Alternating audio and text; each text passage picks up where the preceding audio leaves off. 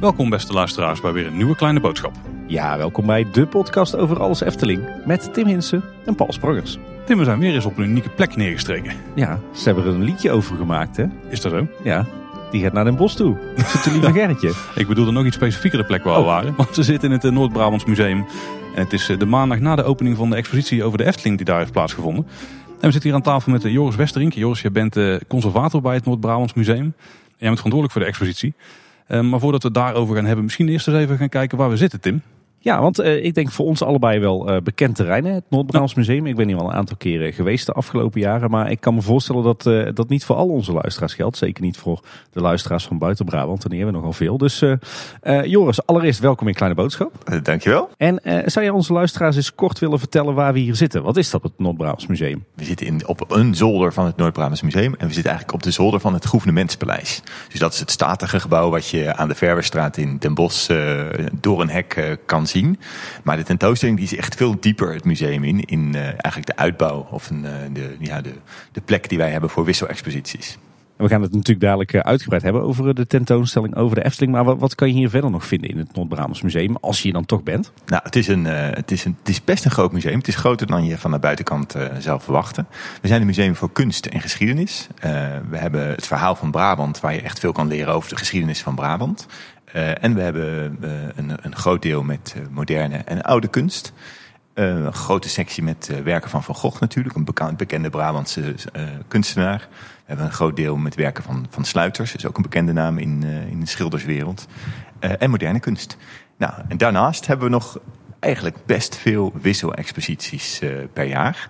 Eh, en dat is deze keer eh, Efteling, de tentoonstelling, in combinatie met Thomas Trum. En dat is weer heel iets anders. Dus dat is altijd wel een mooie combinatie die we, die we kunnen tonen. Als je het ene niet leuk vindt, vind je het andere meestal wel leuk. En als je het andere niet leuk vindt, dan eh, vind je het ene leuk. Dus Ja, volgens mij hebben we er ook best wel veel populaire tentoonstellingen gehad rond de jaren 50, de jaren 60, de jaren Klopt. 70. Ja, ja, dat zijn tentoonstellingen die toch een eh, heel groot en eh, breed publiek aanspreken. En eh, ja, dat zijn, dat zijn wel knallers geweest inderdaad. Ja, en ik denk de ultieme knaller was wel de Jeroen Bos tentoonstelling. Ja, dat klopt. En ik, dat is wel grappig om te vertellen. Toen ik, hier, toen ik hier net kwam werken, was die tentoonstelling net afgelopen eigenlijk.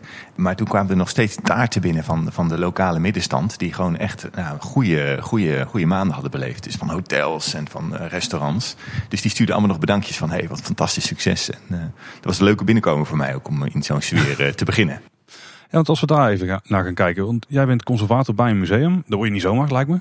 Wat is jouw route geweest naar het Noord-Brabants Museum? Eh, ik ben zelf inderdaad eh, een conservator. Ik maak eh, vooral tentoonstellingen hier in het museum. En mijn route is iets anders dan normaal. Meestal verwacht je een historicus of een kunst, kunsthistoricus. Ik ben zelf eigenlijk, heb ik kunstacademie gedaan. Ik ben zelf grafisch ontwerper. En daarna heb ik nog doorgestudeerd, maar ja, eigenlijk een beetje iets... wat andere studie dan, dan kunstgeschiedenis. Dat heet kunst, cultuur en media. heb ik eh, aan de Rijksuniversiteit eh, Groningen gestudeerd. En daarin leer je eigenlijk hoe kunst en cultuur werkt in de maatschappij. Nou, dus dat is een iets andere insteek dan een eh, conservator die kunstgeschiedenis heeft eh, gestudeerd. Maar ehm, eigenlijk wel, eh, wel ook een leuke insteek. En het leuke aan mijn, mijn functie hier in het Noord-Brabants Museum is dat ik, ik ben niet echt een specialist in bijvoorbeeld Van Gogh of een specialist in, in sluiters of in moderne kunst. Maar ik ben eigenlijk meer een conservator at large, zeg ik wel eens stoer, of een beetje een allrounder. Dus ik maak overal tentoonstellingen over. In dit geval dus de Efteling. Maar dat kan ook zijn Kammergeurka, die, een, een Belgische cartoonist. Dat kan zijn een broederschap van 700 jaar geleden hier uit de stad Den Bosch. Een, eh, een, een tweetal, eh, of een broertjes, broertjesduo uit Tilburg eh, die in de 18e eeuw eh, bloemenschilderijen maakt. Dus heel, heel, heel afwisselend. En dat vind ik juist heel erg leuk. En als ik dan kijk naar jouw achtergrond, dan zit je dus vooral op een stukje beleving, presentatie, grafisch. eh, Ja, dat, dat, vind ik, dat vind ik aspecten van tentoonstelling waar ik inderdaad extra op let. Ja, klopt. Ben je de enige conservator binnen het Noord-Brabants Museum? Eh, nee, we zijn met meer. Eh, we hebben er op het moment ehm, zeven volgens mij. Zo. Ja, dus dat is, een, dat is een flinke club. Ja, we hebben dus een aantal die hebben echt een eh, specialisme. En we hebben nog een, een andere allrounder die ook eh, van allerlei tentoonstellingen kan maken. En als we dan gaan kijken naar Efteling, de tentoonstelling, waar we natuurlijk hier vandaag voor te gast zijn. Overigens twee dagen voor de officiële opening. Dus tof dat we een preview krijgen. Hoe is dat begonnen? Hoe is dat zaadje geplant? Kwam dat vanuit jullie of vanuit de Efteling?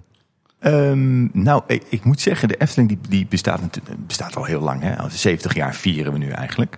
uh, of 71 stiekem nu eigenlijk dit jaar. Er is tien jaar geleden, of misschien twintig jaar geleden, ook al wel eens gepraat over een tentoonstelling uh, over de Efteling. Onze vorige directeur Charles de Moy heeft daar wel eens uh, over verteld. Want hij ook wel eens een keer eerder is wezen kijken van hey, wat voor objecten zijn er allemaal voor een tentoonstelling. Maar de 70-jarige verjaardag, hoe zeg je dat, van de Efteling, die, uh, die, die is nu.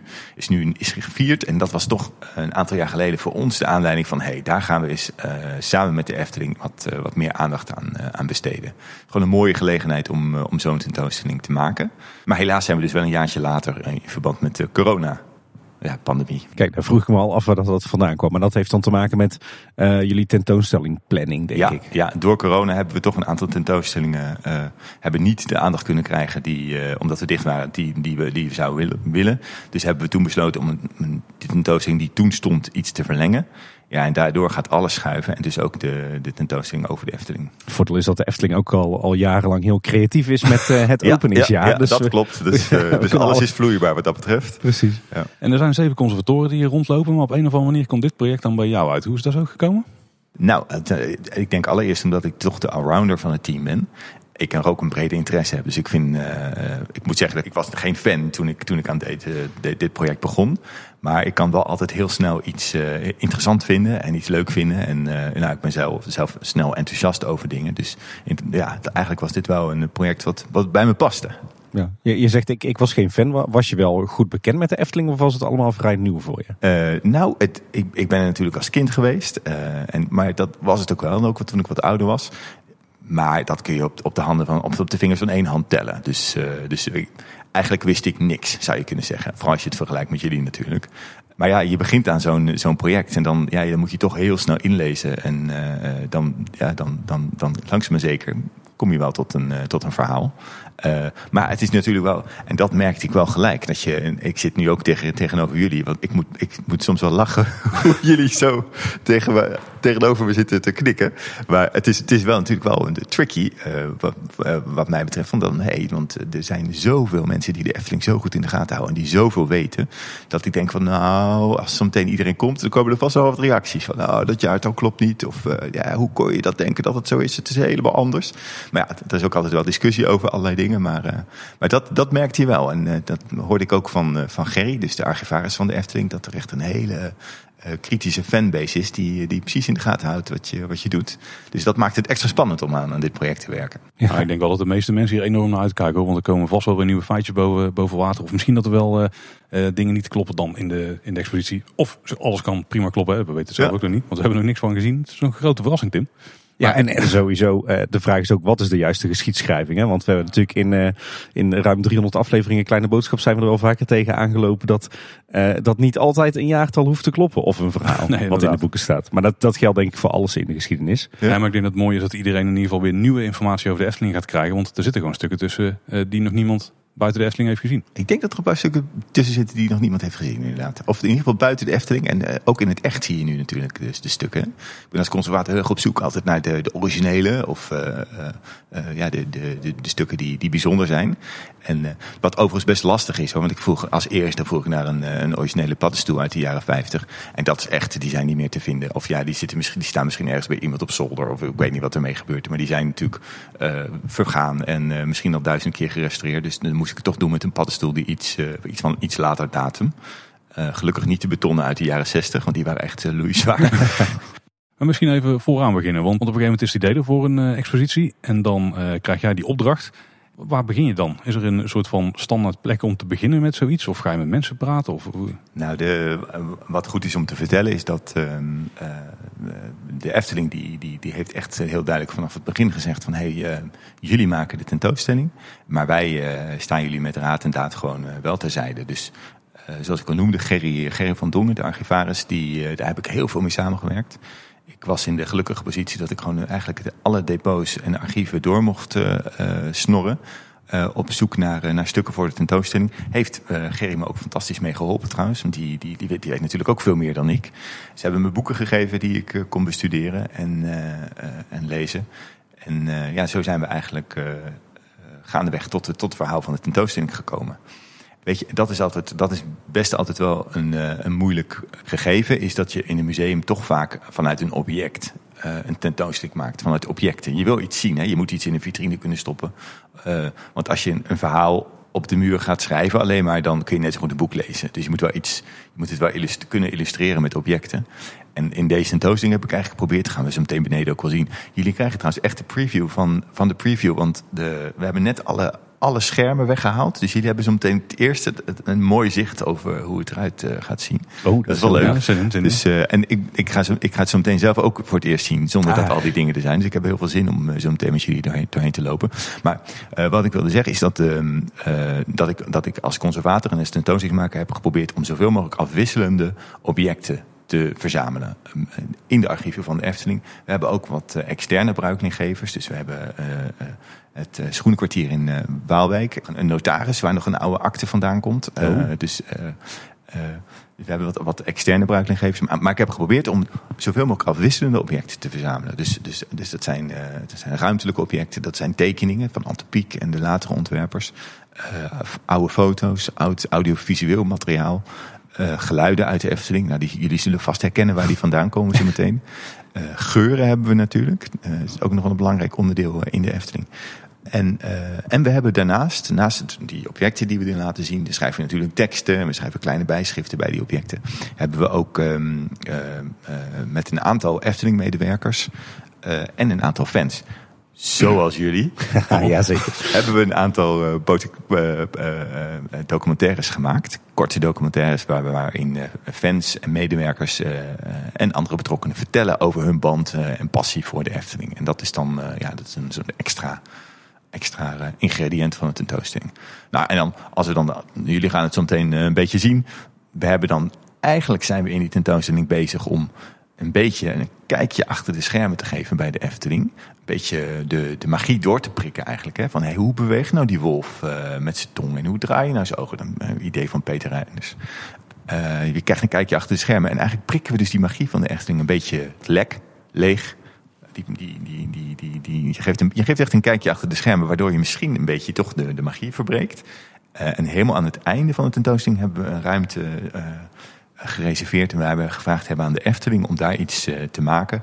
Waardoor de bezoeker eigenlijk weer een beetje terug wordt gezogen in die magie van de Efteling. Nou, dat, dat, is, dat hebben we dan gedaan, of dat hebben zij dus gedaan aan de hand van een verhaal wat door een langnek wordt verteld in het Sprookjesbos. Nou, je gaat het zo zien. Het ziet er, heel, uh, het ziet er heel bijzonder uit. Ik ben heel erg benieuwd. Ik kan, ik kan eigenlijk ook niet wachten om, uh, om naar de tentoonstelling te gaan. Maar uh, toch nog één belangrijke vraag, denk ik.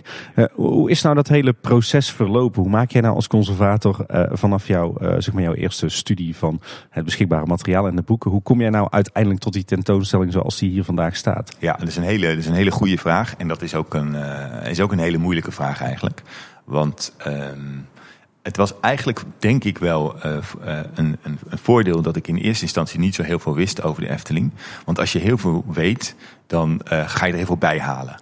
En wat ik eigenlijk vanaf het begin heb, in het achterhoofd heb gehad van... Hey, dus, er moeten dingen te zien zijn, er moeten interessante objecten zijn.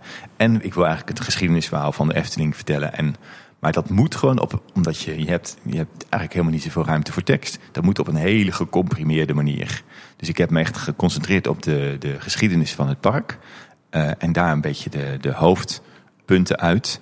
En het is heel erg kill your darlings. Hè? Want je, in het begin lees je natuurlijk heel veel. Heb je heel veel informatie, heel veel objecten. Ik kon alles pakken wat ik wilde bijna. Of alles selecteren die moet je kiezen. Dus kill your darlings en dan schriften, schriften, schriften, schriften. En op een gegeven moment kom je dat tot een soort uh, ja, gecondenseerd uh, uh, verhaal. Waarvan het gevaar natuurlijk altijd is van ja, dat dit weet iedereen. Ik denk dat jullie het echt het meeste wel weten. Maar ja, ook voor een hele groep mensen niet het is niet echt een tentoonstelling, denk ik, geworden voor, voor, voor echte diehard specialisten in de Efteling. Want die zullen denken, ja, dit weten we eigenlijk al. Maar wel, dat is wel de, de, de, de, de werkwijze meestal van mij. Van dit is het onderwerp van, hey, je gaat een, een heel groot verhaal, moet je heel, heel erg gecondenseerd, comprimeerd weergeven. Ja, en met zoveel mogelijk mooie objecten die, eh, die gewoon aan zich al heel erg uh, uh, bijzonder zijn om een keer in het echt te zien. Ja, het is niet zo vaak dat je die tekeningen van Antropiek zoveel bij elkaar kan zien, buiten de Efteling ook nog. En ja, de, de, dat geldt ook de tekeningen van Tom van de Ven of uh, die Knoet later, of, of van de nieuwe lichting ontwerpers. Dat is, uh, dat is gewoon best bijzonder. Want, want wat is dan eigenlijk de, de doelgroep van deze tentoonstelling voor jullie? Uh, geen kinderen, maar verder eigenlijk alle mensen die, uh, die, die een warm gevoel hebben bij de Efteling. Of die er vroeger geweest zijn. Of, uh, nou, maar ook de fans. Ik denk dat fans het ook heel erg leuk vinden om, om, om die objecten een keer in het echt te zien. Kijk, sommige objecten zijn al te zien geweest natuurlijk ook in het Efteling Museum zelf. Laten we dat ook vooral niet vergeten. Daar is ook fantastische collectie bij elkaar. Is echt een sfeerbeeld wordt daar neergezet. Bij ons wordt ook een sfeerbeeld neergezet, maar toch iets, ja, er is iets meer tekst en uitleg zeg maar bij de objecten. En als je nu uh, op zoek bent naar objecten die je hier wilt tentoonstellen, is het dan zo dat je dus in het archief bent geweest? Ik neem aan dat je ook in, uh, in het requisietenmagazijn bent geweest, ja. onder een vogelrok. Ja. Kun je ook door het park lopen of zo en daar nog uh, objecten spotten die misschien... Um, nou, ik heb wel door een park gelopen. Uit het park zelf hebben we eigenlijk niet zoveel objecten eigenlijk niet geselecteerd. Het, ook een van mijn eerste vragen van hey, ik wil wel een sneeuwwitje of ik wil wel een doornroosje. Maar dat was echt duidelijk niet de bedoeling. Want dat, uh, dat een van die figuren uh, in de tentoonstelling terecht zou komen. Dat want zou dat in het zou ook bij kinderen of bij, uh, bij... Ja, die zou je wel missen in het park. En dat zou ook een beetje verwarring scheppen als je die, als je die tentoon zou stellen. Hollebolle Gijs hebben we natuurlijk wel. Ook in een, een, een, een, een mobiele versie die hier te zien is. Nee, we hebben er wel over gesproken. Ik kan me herinneren dat we nog getwijfeld hebben om... Uh, een, of er staat volgens mij een locomotief ergens. Ik weet de naam niet meer van die locomotief, maar die... Neefje. Neefje, die, die. Daar hebben we over getwijfeld om dat te doen. Vooral omdat mijn collega Ingrid uh, Sonderen... Die, die houdt van een uitdaging met spullen naar het museum halen. Maar op een gegeven moment hebben... En dat heb ik toch niet gedaan. Ik dacht, ja, dat is, dat is ook een beetje... dat lag te ver af van het verhaal wat ik wilde vertellen eigenlijk. En, en, dan heb je op een gegeven moment heb jij dat, dat concept ontwikkeld van wat wil ik laten zien. Je hebt denk ik ook iets op papier gezet van wat, misschien ook welke objecten gaan we, gaan Ja. we tonen in het museum. Ja. Maar goed, dan, dan staat het papier en dan moet het nog werkelijkheid worden. Klopt, Je, je vertelde al dat je een grafische achtergrond hebt. Ga je dan ook schetsen, tekenen? Wat, wat ga je Ja, dan doen? ja, dat is wel een goede vraag, want, of een leuke vraag. Want uh, ik moet zeggen dat ik uh, uh, meestal begin aan zo'n project en, en ik, uh, met, met het maken van tekeningen. Dat, is echt, uh, dat zijn echt tekeningen van hey, hoe fantaseer ik nou zelf dat die tentoonstelling zo meteen eruit gaat zien. En dat zijn echt krabbeltjes, soort striptekeningen. En dan zie je al wat, dan weet ik al een beetje van, nou, ik heb dat soort objecten. Ik heb de toverspiegel, of ik heb een tekeningen van Piek, of ik heb oude affiches, oude, oude kaarten van het park. Daar teken ik dan een, dan teken ik eigenlijk per thema, dan maak ik een soort tekening van hoe het eruit gaat zien. En dat is uh, dat is echt het werk wat ik aan het begin van het, uh, van het traject doe. En met die tekeningen probeer ik meestal mijn projectgroep, maar ook mijn, uh, mijn directeur of mijn leidinggevende en ook de medewerkers van de Efteling een beetje te introduceren in mijn plannen. Hè? En dat werkt met tekeningen heel goed dan met een saai stukje papier met een tekst. Daar kun je gewoon niet zo goed mee uit de voeten. Ik heb ze helaas hier niet. Maar anders kon ik ze laten zien. Maar er zijn een stuk of tien tekeningen wat je, waar je een beetje kan zien wat, uh, wat de bedoeling is. En het is voor mij zelf altijd heel erg leuk om die tekeningen op het laatst nog even te vergelijken met uh, hoe het dan uiteindelijk geworden is. Ik hoor echt een hoop parallellen met de ontwerpers bij de Efteling zelf. ja. Nou ja, die, die zullen dat ook doen inderdaad. Ja. Ja, ja. ja, die is ook een fantastische afdeling hebben ze daar natuurlijk. Ja. Ik had altijd trouwens wel het idee, als ik daar dan eventjes te gast was, dat er wel wat dingen weggestopt moesten worden. Want ik mocht natuurlijk niet alles zien. Dus er was altijd even een soort moment dat ik dan even moest wachten. Of uh, volgens mij wordt er dan een maquette weggetild of uh, van iets wat nog niet bekend mocht worden. Maar nee, van, dat was, dat was, daar hangt ook zo'n sfeer in uit van tekeningen, veel creatieve mensen. Ja. Maar als je zo'n tekening hebt, dan ga je dus uh, dan ga je toch kijken van je weet al een beetje een paar objecten. En dan ga je kijken van nou, dat past er nog meer bij, dat past erbij.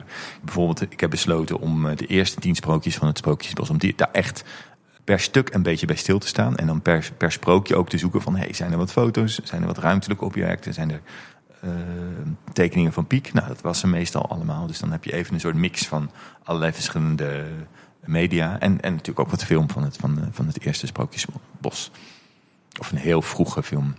Als ik mijn selectie, uh, nou, die ik dus grotendeels echt met Gerry van Dongen uh, heb samengesteld, als, als die er is, dan gaat, dan, gaan, die, dan gaat die selectie naar de vormgevers van de tentoonstelling. Die hebben we in dit geval ook, ook gebruikt. Het is een bureau uit, uit Gent, dus waren, waren Belgen die ook wel toch de Efteling ook kennen allemaal volgens mij.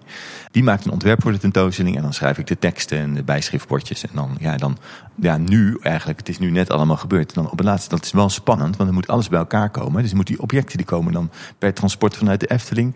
De, de technische dienst is al maanden bezig bij ons om alles te bouwen voor, uh, voor, voor de tentoonstelling. Uh, de filmmakers voor, nou, van de documentaire waar jullie ook in zitten, die moeten de filmpjes in aanleveren. En dan zitten wij natuurlijk weer die, die, de, de ondertiteling daarvan te controleren. Er staan weer fouten in en uh, er komen tekstbordjes binnen. En dan op het laatst komt het allemaal bij elkaar. En dan alles, iedereen overal aan het werk. En, en, dan, en dan staat er opeens een tentoonstelling. En dat gaan jullie, of dat gaan wij nu even, even bekijken beneden volgens mij.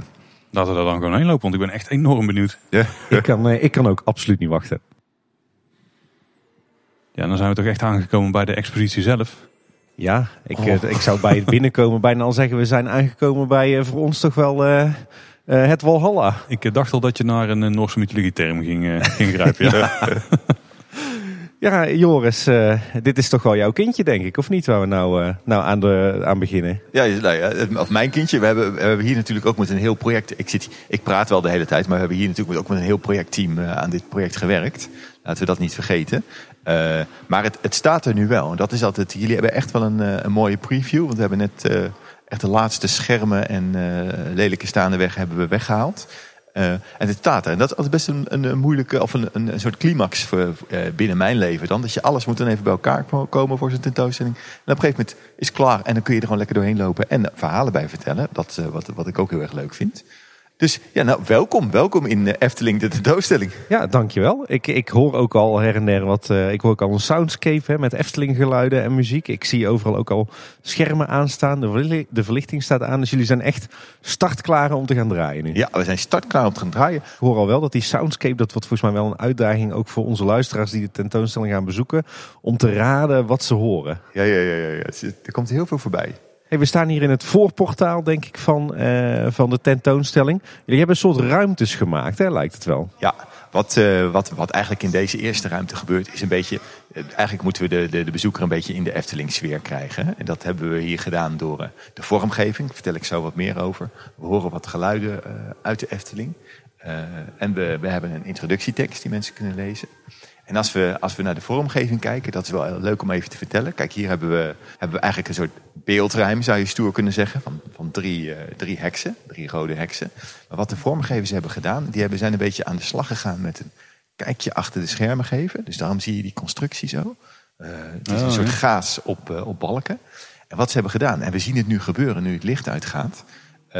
Ze hebben gaas gebruikt, zwart gaas, een soort panty eigenlijk.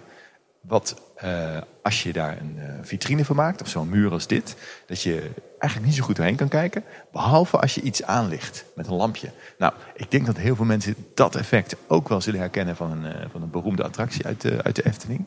het Spookslot heeft het volgens mij, maar corrigeer me als het niet waar is. Maar dat is hier even echt de sfeermaker voor het begin van de tentoonstelling. Ja, ja, want we zien hier inderdaad bij binnenkomst zien we ja, een soort thema-vitrine bijna rond hè, de, de, de heksen op de poort, de, de poortheksen. En we zien inderdaad een prachtige zwart-wit foto van uh, de entree van het Sprookjesbos, maar dus ook de originele ontwerptekening van Piek. En volgens mij een origineel houten beeldje. Ja, klopt. Ja, dus dan hebben we eventjes, uh, nou, wat ik ook, wat ik net al een beetje vertelde, een beetje bij elkaar voor wat ik in de tentoonstelling heb geprobeerd te doen. Allerlei soorten verschillende objecten uh, uh, laten zien. Zodat je niet alleen maar tekeningen ziet of alleen maar ruimtelijke beelden. Of alleen maar foto's, want dat zou het ook een beetje saai worden. Hè? Ja, precies. En ja. leuk detail, als je dan verder loopt en je loopt de tentoonstelling op, dan hangt er een bordje ingang. Maar dat is echt een Eftelingsbordje. En volgens mij, maar dan moet ik heel erg diep graven in mijn geheugen, is dit het ingangsbordje van de smaakmaker toen het nog een restaurant was bij de entree. Wauw, dat is echt uh, professional knowledge. Ik uh, geef hem je, Tim. Ik weet het echt niet. we hebben zo meteen nog een bordje, Tim. Dus dan gaan we dat ook, uh, dit spelletje ook nog een keer doen. Ja, leuk, leuk, leuk. Ik was in de Efteling inderdaad in, in een van de depots. En daar lagen zoveel bordjes. Ik dacht, nou, daar kunnen we iets mee doen voor de tentoonstelling. Dus we hebben zo meteen hebben we ook nog een toilettenbordje ergens opgehangen. En daar natuurlijk ook nog een hele grote. Je ziet hem misschien al. Oh. Ja, ja, dat is Tim's favoriet. Daar heb ik al zo vaak okay. over moeten horen. ja, ik kreeg hem al warm van Dat binnen. was wel een zwaar ding om op te halen. Trouwens. Komen we zo, zo weer terecht. Ja. Smaakmaker heb je gehad, de titel van de tentoonstelling, introductietekst. En wat we eigenlijk in de tentoonstelling doen, is um, even een stukje verder terug in de tijd gaan dan, uh, dan 1952. Ja, het is voor jullie gesneden koek, denk ik, maar uh, jaren 30.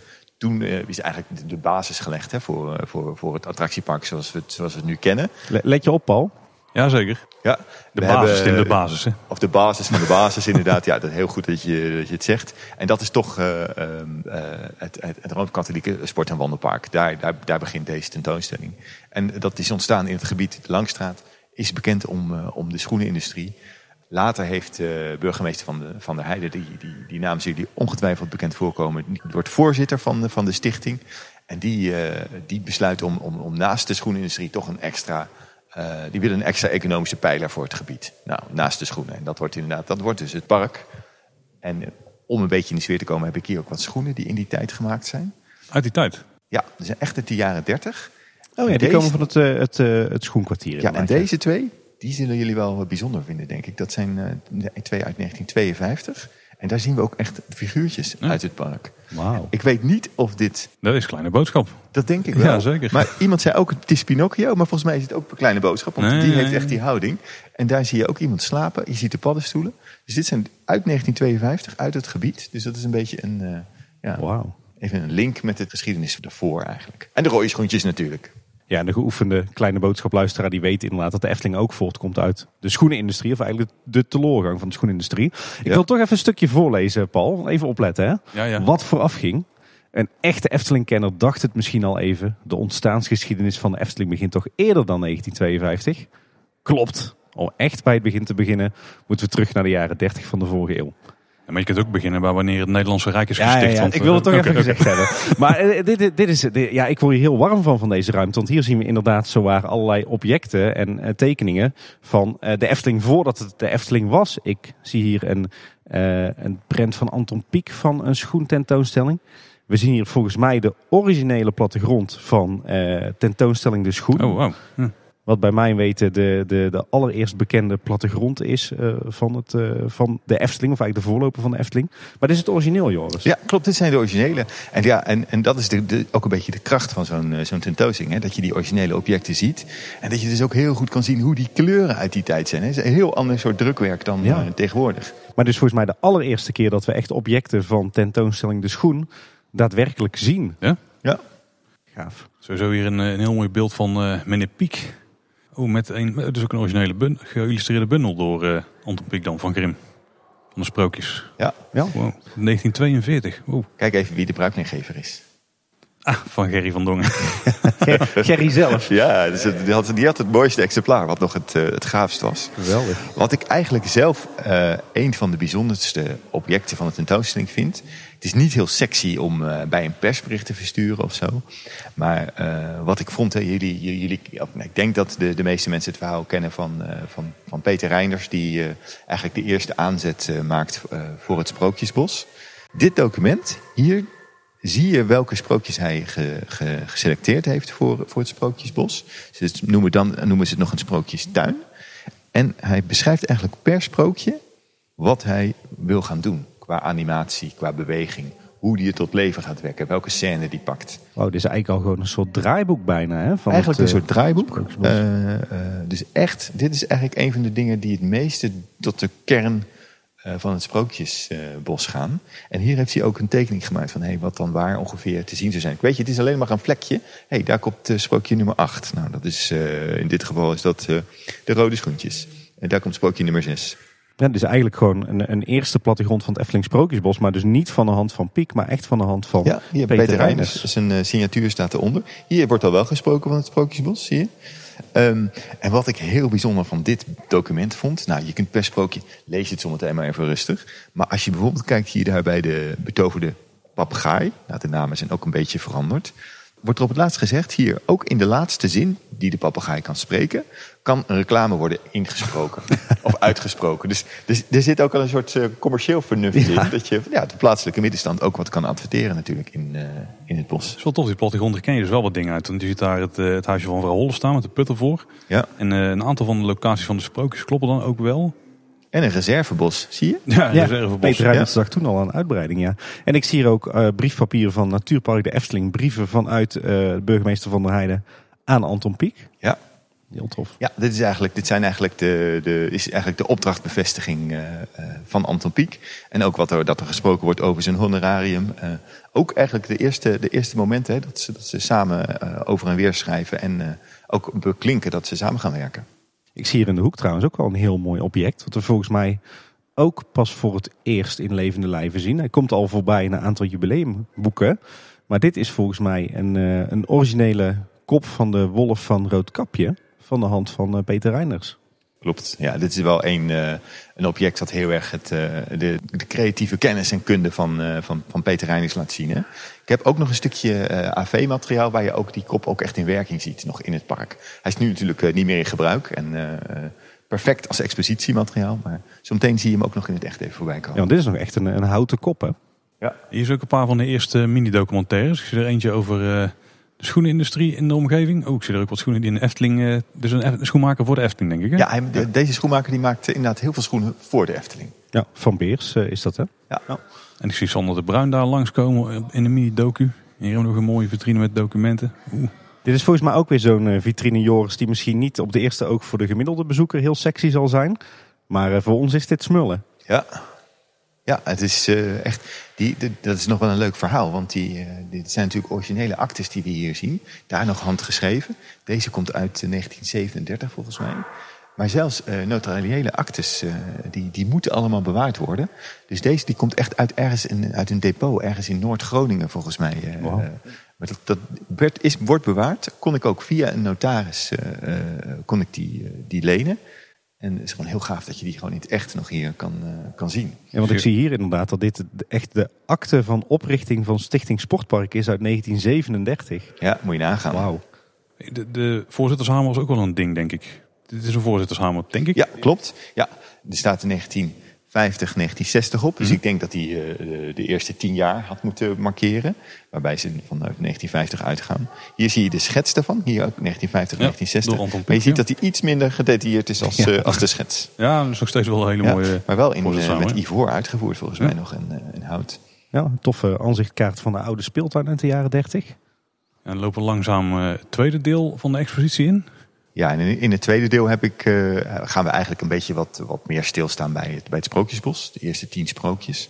En uh, hier zien we een, een schets van het, uh, het, uiteindelijke affiche. Wat de opening van het Sprookjesbos aankondigt. Dat is deze. Kijk, hier is de originele schets. Jullie zullen hem vast eerder een keer in een boek gezien hebben. En hier zie je nog dat er een kabouter is in plaats van de heraut die, die, die, die, die, die blaast. Uh, dit is een van de topstukken, vind ik hoor. Is echt een, uh... Ja, absoluut. Dus ze, ze, hebben in, in een aantal, in een hele korte tijd hebben ze, denk ik, een paar maanden hebben ze toch dat Sprookjesbos weten te realiseren. Uh, eerst qua idee, qua uitvoering, ontwerp. het moet ook nog gebouwd worden. En het moet je ook nog even een affiche ervan maken natuurlijk, als het bijna klaar is. Ja, dit toont heel mooi aan dat Anton Pieck niet alleen de man was van de prachtig gedetailleerde kalenderplaten, maar dat Pieck ook wel de man was van de vlotte schetsen. Ja, klopt. Hier zie je nog een paar mooie dingen. Want hier, dit is dus de plek waar ieder sprookje een beetje aandacht krijgt. Hè? Van ja. De originele sprookjes in ieder geval. Klopt. Hier een mechaniekje voor de Chinese nachtegaal, de bandrecorder. Ja, dus dit is echt zo'n zo'n ruimtelijk object. Wat, wat ook een beetje een indruk geeft van de, ja, de stand van de techniek uh, van die Ja. tijd. Dus ja, stukjes tape. Heel veel mensen zullen niet eens meer weten wat tape is. Maar die, uh, die, daar, uh, daar kon je natuurlijk dit soort dingen mee doen. Zodat je de, nou, in dit geval de nacht- nachtegaal kon, uh, kon horen. En inderdaad heel veel ontwerptekeningen van, uh, van Piek, originele ontwerptekeningen voor het Sprookjesbos. Niet alleen ontwerptekeningen die we al vaker gezien hebben in het Efteling Museum of het Anton Pieck Museum of in een van de jubileumboeken. Want ik zie hier bijvoorbeeld een prachtig gedetailleerde ontwerptekening van Piek voor de tak waar de Chinese nachtegaal op zou gaan zitten. Nou, eh, ik, ik weet vrij zeker dat ik alles heb gezien wat ooit is uitgebracht, maar deze Ja. is nog nooit uh, te zien geweest voor ons. Ja, ik vond hem ook echt ik vond hem te mooi om, uh, om niet te laten zien. Oeh, wauw. En hier ligt gewoon de allereerste parkgids van de Efteling uit 1952. Krijgt hij wel warm, Paul? Ja, jullie staan als, uh, als jongens in de snoepwinkel uh, Ja, te ja, kijken. ja, ja, dat dit is een beetje nadeel. We moeten verslag leggen van, uh, van wat er hier te zien is. Maar we zijn zelf gewoon heel de tijd aan het kijken. Ja, dit, als we het dan toch hebben over, uh, over vlinders in de buik, Paul, kijk eens omhoog. Daar hangt hij, hè? Ja, ja, ja, ja Tim. Ik De, de originele wegwijzer die, uh, die natuurlijk later op de Europalaan stond. Eerst stond hij uh, in de, in de Van Heeswijkstraat, maar die de weg wees naar uh, de Efteling. Prachtig lettertype. Met daarboven uh, de gefiguurzaagde afbeelding van uh, de koets volgepakt met mensen en uh, twee spannen paarden ervoor. Prachtig dat hij uh, hier hangt. Ja, we hebben, eerst wilden we hem ruimtelijk ophangen, dat je twee kanten kon zien. Want hij is tweezijdig, maar uh, we hebben toch voor deze oplossing gekozen. Kijk, nou moet hij nog terug op de Europalaan. Ja, Hier komen wij de kikkerkoning met, uh, met een kikker. Oh, die is van 2000. Dit ziet er al wel moderner uit, zoals we hem ook kennen. Hier zie ik trouwens ook weer zo'n piekprent Oh, ja. die, die we helemaal niet kennen. Echt een hele vlotte uh, aquarel bijna. van, eh, van hoe dat de kikkerfontein zelf eh, vormgegeven zou moeten worden. Met eigenlijk gewoon wat, eh, wat potloodstrepen en wat, eh, wat vlugge vlekken verf. Kijk, en hij, hij zegt ook hier mooie steenblokken. Ja. Ook hier en daar in het water. Piek was echt al eh, de man van de details. Hè? Ja. Hier zie je dat ze aan het experimenteren zijn met die, eh, met die bal en die, eh, die vijver. Of die, eh, die, die, stralen, dat die die bal ja. omhoog houden. Prachtige bouwfoto's van de kikkerkoning, ja. Waarbij de Efteling er totaal anders uitziet eh, ziet dan nu. Hè? Een stuk kaler in ieder geval. een ruige vlakte met hier en daar een naaldboompje. Oeh, en daar een, een echte houten ruiter van de klok van, eh, van de magische klok. Met ook eens een hele vlotte schets van Piek. Maar daarnaast zie ik iets, ja, Paul. ik zie hem ook. Een technische tekening volgens mij van, eh, van het sprookje. Onbekende maker eh, staat erop. Zou zomaar eh, opdenkkamp kunnen zijn, denk ik. Nou, dat heb, dat heb ik bekeken, maar volgens mij is dit niet zijn eh, signatuur. Hm. Dus het is vast een collega van hem. Ik Ja. hoop dat de echte maker door deze tentoonstelling misschien ook duidelijk wordt. Dat iemand het toch weet en dat we het kunnen toevoegen. Het is echt een technische tekening. En er staat boven muur, sprookjestuin, mechanisch ontwerp. Ik zou bijna denken, het is een, het is een tekening van Reinders. Of in ieder geval de uitwerking van, eh, van Reinders. Want we zien hier echt tot in het kleinste detail het sprookje van de magische klok. Ontworpen. Maar dan ook met, eh, met alle techniek. Hoe dat werkt vanuit de, de controlekamer. En de aandrijving van de herauten. En hoe het dan in een heraut in elkaar zit met een luidspreker. Dit is echt super hier gaaf. zit zelfs nog eentje met een, een gasleiding of een gasbuis die ingegoten zou worden in de routen. Hier is er genoeg om uit te pluizen nog voor ons, Tim. Ja, en kijk hier links dan, Paul. De originele, de originele toverspiegel uit het Sprookjesmuseum. En hij werkt. Oh, wauw, ja. Dit is heel wat jaren geleden, Tim, dat ik daarvoor heb gestaan. Ja, maar we hebben er als, als kind hebben we hier allebei denk ik heel vaak Ja, voor ja, gestaan. Want we, we zijn net het Sprookjesmuseum, maar dat wat we nu dus kennen als het huisje van vrouw Holle, was vroeger het Sprookjesmuseum. En dan had je een aparte ruimte met een toverspiegel. En die spiegel die hangt hier gewoon en hij werkt weer. Ja, hij, is- ze hebben hem eh, bij de Efteling speciaal voor deze tentoonstelling gerestaureerd. Wauw. Dus dat is echt, eh, ik ben heel erg blij dat hij hier, eh, hier mag hangen. Ik zie ook nog een bekende kop. Tenminste, een bekende achterkant van de kop. Oh, Ja, hier zo weer, Tim. Mijn opa. jouw opa ligt hier gewoon in de vitrine. Ja, twee keer zelfs. Ah, Ja, heel gaaf. Foto's, eh, bouwfoto's van het Sprookjesbos. Ik zie hier ook de, de twee eh, houten mannetjes die, eh, die de ruimte van de toverspiegel flankeerden in het Sprookjesmuseum. Die hangen hier ook. En een eerste, eerdere versie van de, de sprekende papegaai. Oh, en ook hier weer trouwens een echt een fantastische technische tekening van Langnek. Oh, zo. Dan zie je ook goed hoe ver, eh, spoiler, zijn nek de grond in gaat. Ja. 4,80 meter. En toen heette die nog niet eens Langnek. Hè? Toen was het de trouwe dienaar. Die Ja. heb ik nog niet, eh, nog niet eerder gehoord. ik, eh, ik heb hiervan trouwens gehoord dat, ze, dat hij dat hij onderwel, of de- ondertussen wel weer wat langer of wat hoger is, of zijn nek. Dus eh, misschien dat, dat dit nog iets, dat, dit is wel echt de eerste tekening, hè? dus vast aanpassingen gedaan. Een nieuwe techniek misschien ook toegepast Of inmiddels. nieuwe techniek inderdaad. En hier allerlei originele foto's van de, de vormgeving van Kogeloog. En de originele langnek met echt een schitterende hoofd. Bijna net zoals op tekening. Ja, heel veel originele piekprenten hier. Er komen ook uh, hollebolle gijs tegen. Nou, hier ook aandacht voor de prullenmannen, Tim. Ja, inderdaad. De originele ontwerptekening van het melkmeisje. Wat we natuurlijk nu uh, een, een eerbetoon aan vinden in uh, speeltuin Kindervreugd. En dit is trouwens gewoon überhaupt het afvalverwerkingshoekje. Want hier staat ook nog een hollebolle gijs. Dit is volgens mij de evenementengijs. Klopt. Die, uh, we, hij doet het wel. Hij zegt papier hier. En uh, ook dankjewel als je er iets in gooit. Maar als we hem aanzetten, als hij ook echt wil slurpen of slokken, dan, uh, dan dat geeft een enorm kabaal. Dus ik denk dat we hem soms aanzetten. ja. Oeh, maar als we hier rechts de hoek omlopen, Tim, dan zien we toch een object dat ik nog nooit van zo dichtbij heb kunnen bekijken. Nee, inderdaad. We vinden hier uh, de twee hoofden uit, uh, van, uh, uit de glazen bol van de Oosterse geest. Ja, in die normaal gesproken al in via Peppers Ghost te zien waren. Ja. Vet hoor. Zo, die zijn gedetailleerd. Wat gaaf. Echt onnodig gedetailleerd voor hoe ja. wazig die Peppers Ghost af en toe was. Want dit, uh, Joris, we zijn nu weer in een andere ruimte beland. En hier vertellen jullie het verhaal, zeg maar de, de groei van de Efteling van Sprookjesbos naar het attractiepark. Ja, klopt. We hebben het Sprookjesbos hebben we, zijn we net doorheen gelopen eigenlijk. En nu gaan we, gaan we eigenlijk wat hoogtepunten belangs uit de, de geschiedenis die daarna kwam. Nou, Hollebolle Gijs is daar één van. Die, uh, die, dat werd ook al snel een bezoek of een, uh, een vaste, vaste figuur in het park. En wat ik eigenlijk als een soort mijlpaaltje heb genomen is de Indische waterlelies. Heel terecht. Eigenlijk, nou, ik zeg het altijd uh, zo als een, een, attractie die echt qua schaal opeens een heel stuk groter is ja. dan de rest. Wel op basis van een, eh, van een sprookje. Maar toch wel een andere weg. Hè? Ook iets eh, overdekt. Waar mensen gewoon ook bij slecht weer eh, goed konden vertoeven. En dat, dat zet eh, voor mijn gevoel echt wel een soort, soort, soort gang in werking van eh, steeds weer nieuwe attracties. Om nieuwe mensen te trekken en om eh, mensen nog een keer eh, te trekken. Daarna heb je natuurlijk het spookslot. Wat, wat dan een, ook een nog weer grotere attractie eigenlijk is. eh, waar de sprookjes een beetje los worden gelaten. Wat meer een sfeer is, een spooksfeer. Laten we eens kijken wat, wat hier allemaal te vinden is. Ik zie dat er hier en daar ook, eh, ook videoschermen hangen. Niet zozeer met beelden uit die, die documentaire die is gemaakt, maar met de oude beelden. Hè? Ja, dit is, dit is een registratie van de Indische Waterlees uit 1966. Dus het is echt, op, volgens mij op de openingsdag is het zelfs eh, gefilmd. Ja, de schermen zijn stil, maar er hangen eh, oortjes bij waarmee je ook de bijbehorende muziek kunt luisteren. Ja, ik dacht als we die muziek ook in de tentoonstelling zelf laten horen, dan eh, wordt het eh, Dansen. dansen. Ja. Hier een fantastisch hoekje met allemaal vitrines helemaal gewijd aan de Indische waterlelies. Zit nou een lichtplan? Ja. Van Faps toe. Zo. Hier liggen allemaal technische Ja, documenten tof. van eh, de bouw van de Indische waterlelies. Wat jij zegt inderdaad, gewoon echt een lichtplan.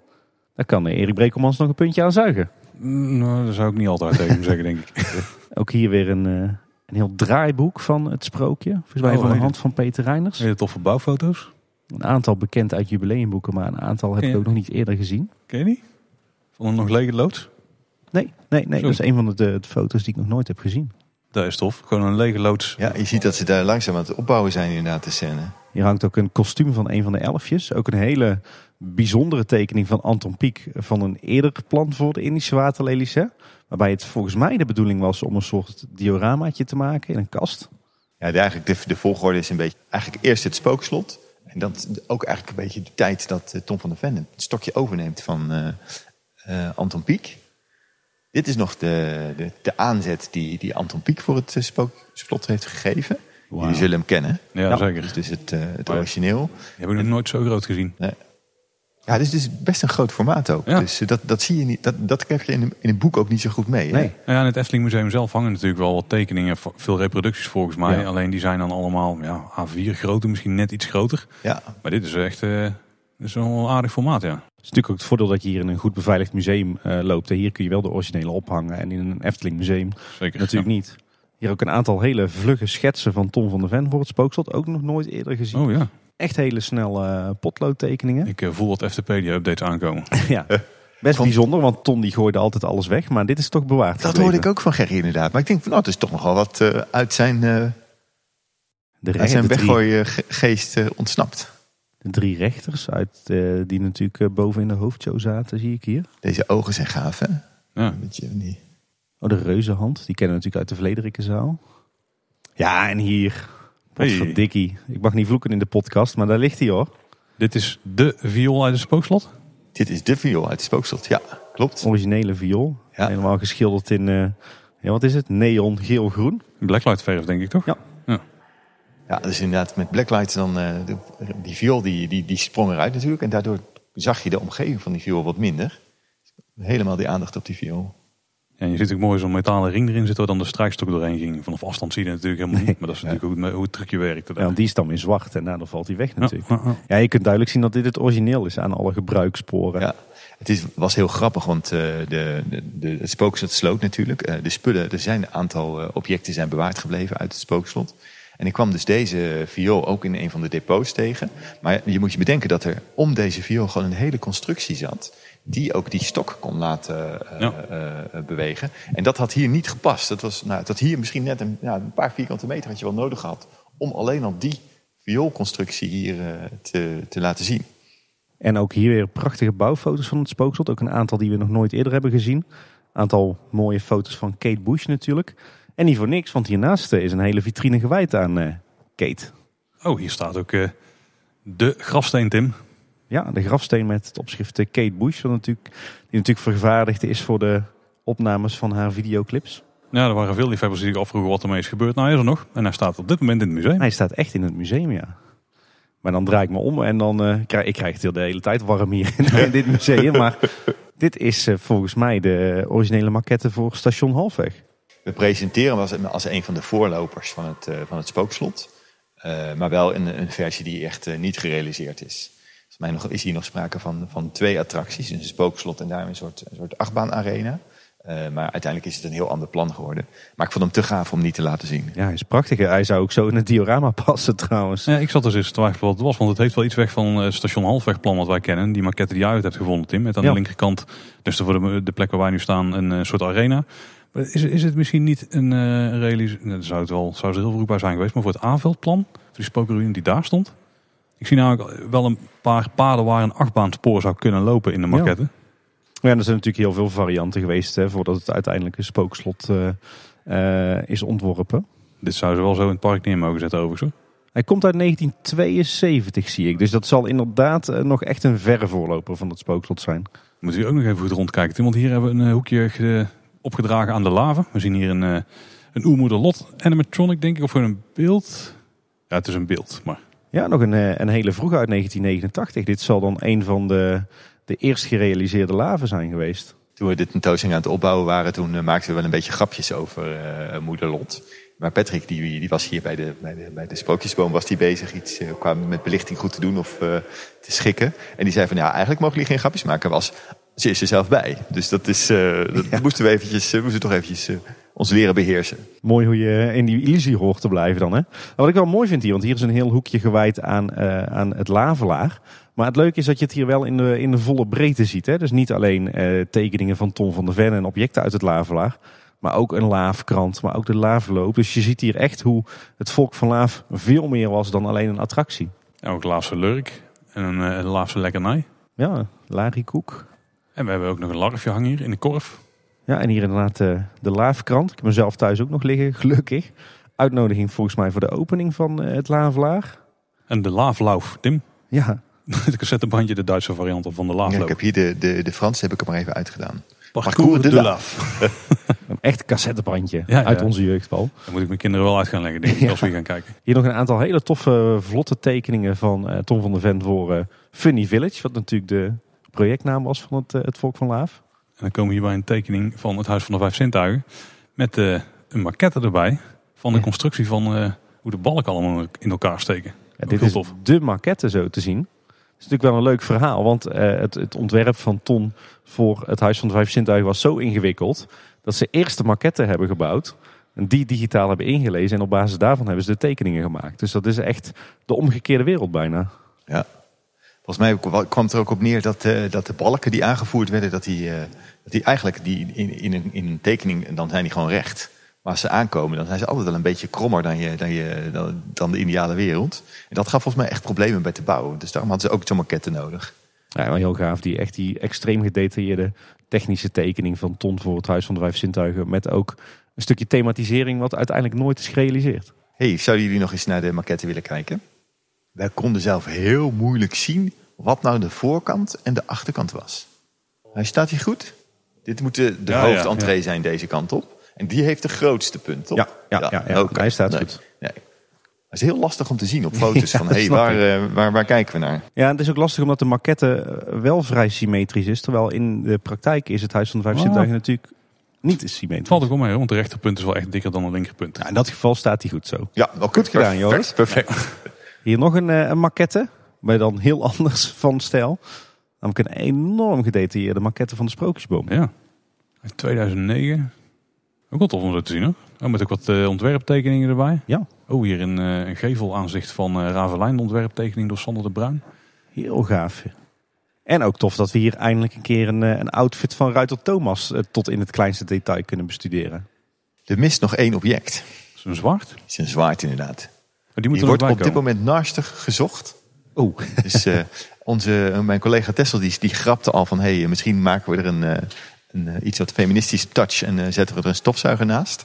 Of een zwabber. Maar eh, het echte zwaard komt heus. Dus die, eh, die wordt nog geplaatst. Kijk, en met die dingen kunnen we dat glas uittillen... en dan eh, zetten we het zwaard erbij. Als je dus entertainment mist in de Efteling met de zwaard eh, de komende weken, dan weet je waar het zwaard is het gebleven. staat in het museum. Hier zie ik trouwens ook mooie beelden van het eh, kostuumatelier met eh, een interview met eh, Carla de Kroon. Dat kan je hier ook luisteren. Ah, die hebben ook ondertiteling, dus dat is wel handig, ja. Kijk, hoe gaan we naar een stukje Carnaval Festival. Ja, wat, eh, wat ik net nog niet verteld heb, is maar je hebt eh, in de tentoonstelling, in het verhaal, heb je een aantal eh, intermezzo's, noem ik ze. Eentje gaat, eh, gaat over uh, Hollebolle Gijs, is een beetje zo'n intermezzo. En dit is eigenlijk een intermezzo over de narren van de Efteling. Oh. Dan beginnen we met Dio Oberon. Oh, ja. En daarna natuurlijk eh Pardoes en eh Pardijn. Oeh, dit is trouwens echt een, een hele oude pop uit Carnaval Festival. Die we tegenwoordig niet meer terugzien in de attractie. Die Jokie die, eh, die stond zeg maar eh, voor de actiefoto. Die heb ik ook heel vaak gezien vroeger.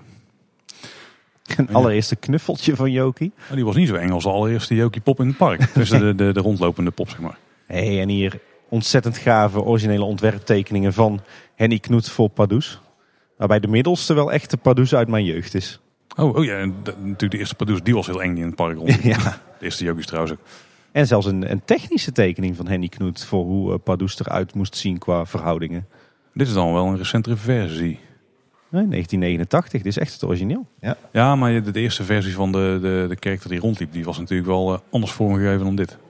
Of dat was misschien in de uitvoering een beetje mislukt. Het is nog heel erg eh, rood, geel en goud. Hè? En dan met die witte benen, witte majo's en witte handschoenen.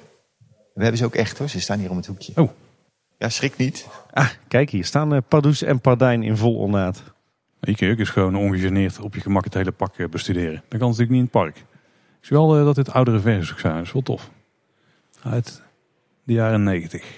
Dat is volgens mij ook voor het eerst dat, eh, dat dit te- zien is. Dat er Pardoes, poppen zonder, Pardoes en Pardijn poppen zonder iemand erin te zien zijn. Bij de, bij de opening komende zaterdag dan, eh, dan is er ook echt een duo aanwezig om, de, om de bezoekers te verwelkomen.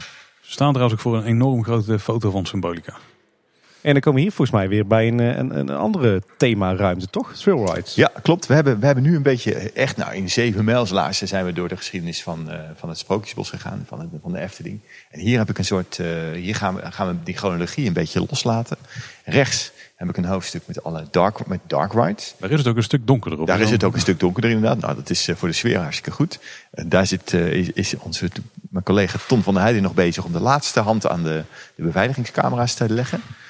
En aan de linkerkant de trail rides, dus de achtbanen. Oeh, waar gaan we eerst naartoe? En ik denk dat het goed is om even nog stil te staan bij de, bij de trail rides. En natuurlijk de, de Python. Omdat dat ook wel een soort keerpunt in het park is geweest. Waarbij er opeens, nou ja, jullie weten het, eh, een, een, een, een, een, een stalen gevaarte in het park eh, verschijnt. Met een enorme aantrekkingskracht op jongeren. Die, die er toch echt voor heeft gezorgd dat, eh, dat, dat, dat het park eh, groeide. Ja, en, niet te vergeten, als we ons dan omdraaien, dan zien we hier eh, toch ook wel een eh, belangrijk element in de geschiedenis van, eh, van de Efteling. Een soort eh, altaartje voor eh, de Bob. Ja. Hier kun je een foto van jezelf maken als ware je in de, in de bob zat. Ik heb deze eigenlijk nooit gedaan. Was die, hoe was die? Ja, die was goed te doen. Voor, Was eh, goed te doen? Ja, voor iedereen. Bob was, was heel tof eigenlijk. Ook heel uniek. Want die, eh, de Efteling was een van de laatste drie parken ter wereld waar er nog eentje stond op, een- op een gegeven moment. Ja, en heel uniek. Je lag daar vrij in de baan in je Bob, hè? Geen spoor onder je. Zullen we eerst naar de Dark Rides gaan? Ja, jij kent de volgorde, Joris. Laten we dat doen. Hier, het hangt er nog niet, maar hier beginnen we eigenlijk met de geur van Fata Morgana. Oh. Die is hier Ah. te, te ruiken. Hier komt een flesje in en dan kun je in een bolletje knijpen en dan eh, kun je die geur eh, ruiken. Eén van de geuren.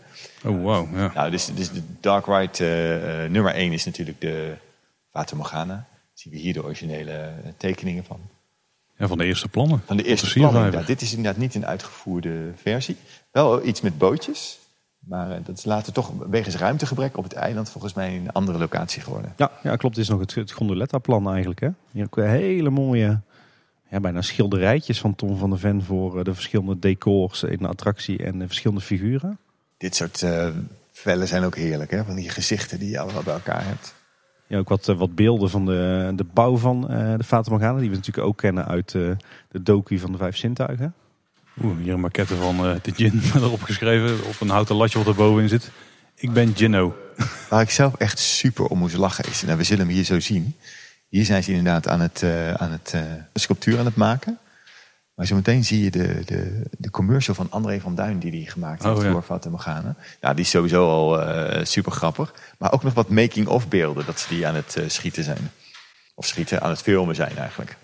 Het is eigenlijk een heel, een heel hoekje met een ode aan gin. Hè? Met inderdaad een heel rudimentair model van hoe dat hij boven de vaagel zou staan. Maar daar ook een, eh, een mooie eh, gedetailleerde versie van de kop. Oh ja. En ook eh, heel wat eh, detailtekeningen van, eh, van Ton voor gin. Ik zie onze vriend eh, Mari van Heumen hier ook nog. eh, Oh, met een uh, animatronic op een foto, ja. Is het nou zo'n een bewuste keuze, eh, Joris, om te zeggen van nou, we, we kunnen duizend en één dingen laten zien van Fata Morgana, maar we kiezen ervoor om bijvoorbeeld zo'n gin uit te lichten? Nou, deze gin, die, dit, was een, dit was ook gewoon een lekker groot object die nog in, uh, in de archieven stond of in de depots. Dus die, en die is ook te gaaf om niet te laten zien. Het is echt een, uh, hij komt ook voor in het stukje film, daar zie je hem ook, uh, ook staan. Hij is natuurlijk ook echt een, een, een model geweest voor het uiteindelijke model. En dat geldt ook voor deze tekening natuurlijk. Dit is de tekening van de kop van de gin. En hier de, uh, de, het gipsmodel. Daar is weer de grote versie van gemaakt. Ja. Dus dat zie je ook in het stukje film gebeuren. En hier komt nog een geur, gok ik. Daar komt nog een geur, ja. En dan gaan we naar de hoek over Droomvlucht. Dit zijn een paar van de schetsen van, uh, of een paar van de, aquarellen van Ton die hij heeft gebruikt om de attractie te pitchen, gok ik. Oeh, ik heb deze volgens mij ook nog nooit gezien. Een hele gedetailleerde tekening van, uh, van de ingang van Droomvlucht. Was, was maar ooit zo uitgevoerd. Gaat uh, Droomvlucht nou komend weekend weer voor het eerst open ja, sinds ja. lange tijd? Ah ja. ja. dus eigenlijk tegelijkertijd met, met de tentoonstelling. Het is een feestweekend hè, en deze tentoonstelling open en Droomvlucht. Ja, hier hebben we een paar elfjes. En uh, nou, zoals jullie ook gehoord hebben in het nieuws, uh, zometeen ook elfjes van kleur in, het, ja. uh, in, in de droomvlucht. Die hebben we nog niet, maar wel deze twee elfjes. En ja, jullie kijken nu naar, dit is echt de kleinste maquette die ja. je kon vinden. Echt wow. een micro-maquette. En daar zie je de grootste. Dus die Zo, is ja. ook wel leuk om naast elkaar te laten zien. Ja, want dit is inderdaad een, een hele kleine maquette van de ingangspartij van de Droomvlucht. Ja, de hele maquette is, is 10 bij 12 centimeter. Kijk, kijk er maar eens in. Je ziet echt een, die, die, die bollen hangen. Ah, ja. Heel gaaf. Hier de schets inderdaad van het elfjes. Maar als we naar rechts kijken, je kan er niet omheen. Zo. Een gigantische opengewerkte maquette van uh, Symbolica. Van het huidige attractiegebouw zoals we het nu kennen. Wauw. Wist jij dat, uh, dat dit, uh, dit ooit geconstrueerd is voor de attractie? Ik heb dit echt nog nooit gezien. Dit is echt fenomenaal. Wat een ongelooflijke hoeveelheid detail zit hierin zeg. Ah, hij is bijna zoals uitgevoerd trouwens. De buitenkant klopt redelijk goed. Maar de binnenkant die is volgens mij exact zoals verwacht. Met, zo met inderdaad de, zelfs de sporen uitgetekend. En de, we kijken nu naar het, het wonderdepot en al uh, hoe de track daar dus loopt. Of tenminste de, track, de draden in de vloer. En uh, met alle mini-scènetjes erbij en de boudoirs. Dit is wel heel tof, joh. Ja, de scènes zijn ook helemaal tot in detail uitgewerkt met fantasievadertjes ertussen. Dit is echt een, uh, een maquette om op te kwijlen. Oh. Nou ja, doe maar niet, maar... je kunt hier, wij, moeten er nu natuurlijk gezien de tijd op hoog tempo langs. Maar ik denk dat je hier minutenlang je ogen uit kunt kijken. Oh, en hier een hoop detailtekeningen van de buitenkant. Dit is echt heel tof, ja.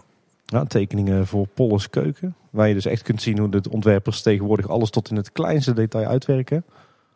Tekeningen van uh, het Botanicum. Oei, een model van de fabelvis. Ja, deze staat uh, bij ons uh, normaal in, in de Brabantzaal samen met een fantasievaarder. Maar nu hebben we hem dus tijdelijk even van boven. Hierboven hebben we hem hier naar beneden gehaald. Omdat oh, ja, jij hoort hier natuurlijk bij. Ja, en hier zien we volgens mij ook een tekening die we nog nooit, nog niet eerder hebben gezien. Dit is een tekening, een technische tekening die is opgewerkt van ja, eigenlijk de, de buitenruimte rond Symbolica hè? van het Harthof. Ja, het is vooral de wachtrij die hier veel afwijkt van, uh, van hoe het nu is. Ook tof om te zien hoe er dus ook aandacht wordt besteed aan, uh, aan het ontwerp van de buitenruimte. hey, en wat zien we daar Tim? Bovenin hier aan het Harthof. Toch een podium. Een podium in ontwikkeling. Dit is tof. Ja, dit is heel vet. En tof, hiernaast hangt ook weer een, een groot scherm met daarop beelden van de documentaire. Met in dit geval uh, Patrick van de Nieuwenhuizen, natuurlijk de allround vormgever die we ook al een paar keer hebben gesproken bij uh, Kleine Boodschap. Die hier uh, door Symbolica heen wandelt. Er staat ook nog een optie voor losse horeca, ja. recht tegenover Polleskeuken. Ja, heel tof om Patrick hier aan het werk te zien in Symbolica. Kijk, en dit vind ik altijd een gaaf. Ja, de draaien, de zwevende taart. Ja, mooi hoe hier ook belangrijke medewerkers uit de wereld van de Efteling echt de aandacht ja, krijgen. Aan het, aan het woord zijn eventjes, hè? Kijk, en dan lopen we al tegen een video aan van Python. Vrij oud met de oude karretjes nog. En dan komen we dus in de hoek over de trailrides. Volgens mij als we hier de gang hiernaast pakken, Tim, dan komen we nog bij in de, de tijdlijn van de Efteling. Maar oh, de trailrides, ja, is, is dat een bekende maquette? Ja, is van de Baron 1898. Maar dit is niet de maquette uit uh, Ravelijn volgens mij. Uh, ja, deze stond, uh, deze stond in de ingang van, uh, in, het, of in, het, in de hal van, van Rijvelijn volgens mij. Oh, dan het, is deze nog groter dan ik me kon herinneren. Wow. Hij lijkt hier ook wat groter, dat vind ja, ik ook. Ja, ja klopt. Maar er staan hier echt enorm veel maquettes in deze tentoonstelling, zeg. Ja, vooral in dit deel. Dit wordt echt smullen voor al onze luisteraars. Maar eigenlijk zijn we nu bij de meest recente achtbaan aangekomen. Tenminste, Max en Moritz hebben we misschien ook nog maar. We moeten aan deze kant gaan kijken, denk ik. Want hier gaat het eerst over Python. Tof ontwerptekening voor Python Pietje. Ja, de Python heeft ook wat gedaanteveranderingen gehad. Hè?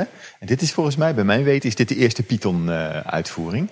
En later hebben, is die, die slang is een beetje van gedaante eh, veranderd. Oh, hier hangt gewoon het, het originele entreebord aan de muur. Ja. Ook van ijzer. Het, is echt een, ja, het was echt een stalen, stalen monster eigenlijk. Hè? Wat nu pas opvalt, ik zal de laatste zijn die het opvalt, maar is dat de staart gekruld is net zoals de kurkentrekker van de Python. Heel goed. Hier een Python-diploma van Frans Klis, de vader van eh, Anja Klis. die Ah, de we natuurlijk vader ook van. nog, eh, Oké. gesproken hebben in Kleine Boodschap. Hey, moest je die nou kopen, de diploma's, of kreeg je die? Volgens mij kreeg je die. Ja? Oké. En heel veel eh, bouwfoto's van de Python, waarvan ook een aantal die we ook nooit eerder hebben gezien. Ja, en hier ook foto's van een befaamde demonstratie tegen het stilleggen van de bouw. Door, eh daar heeft Marie van Heum natuurlijk al enorm veel over verteld. Die, Let even op die langnek. Met die, met die stroppen in zijn nek. Ja, die wordt gewurgd. Ook hier zitten weer een aantal foto's tussen die we nog nooit eerder Ja? hebben gezien in jubileumboeken. oh, hier eh, de eerste promovideo van Vogelrok, Tim. Oeh, die reclame ja, met die fantastische keyboardmuziek van Ruud Bos. En, Ja. eh, en hiernaast trouwens ook al een, eh, een heel waardevol verzamelitem, namelijk de eerste cd-single van Vogelrok. En daar zijn, zoals de kenner weet, twee versies van. De antraciete, maar ook de originele blauwe. Met het gele veertje. En die ligt hier gewoon in de vitrine.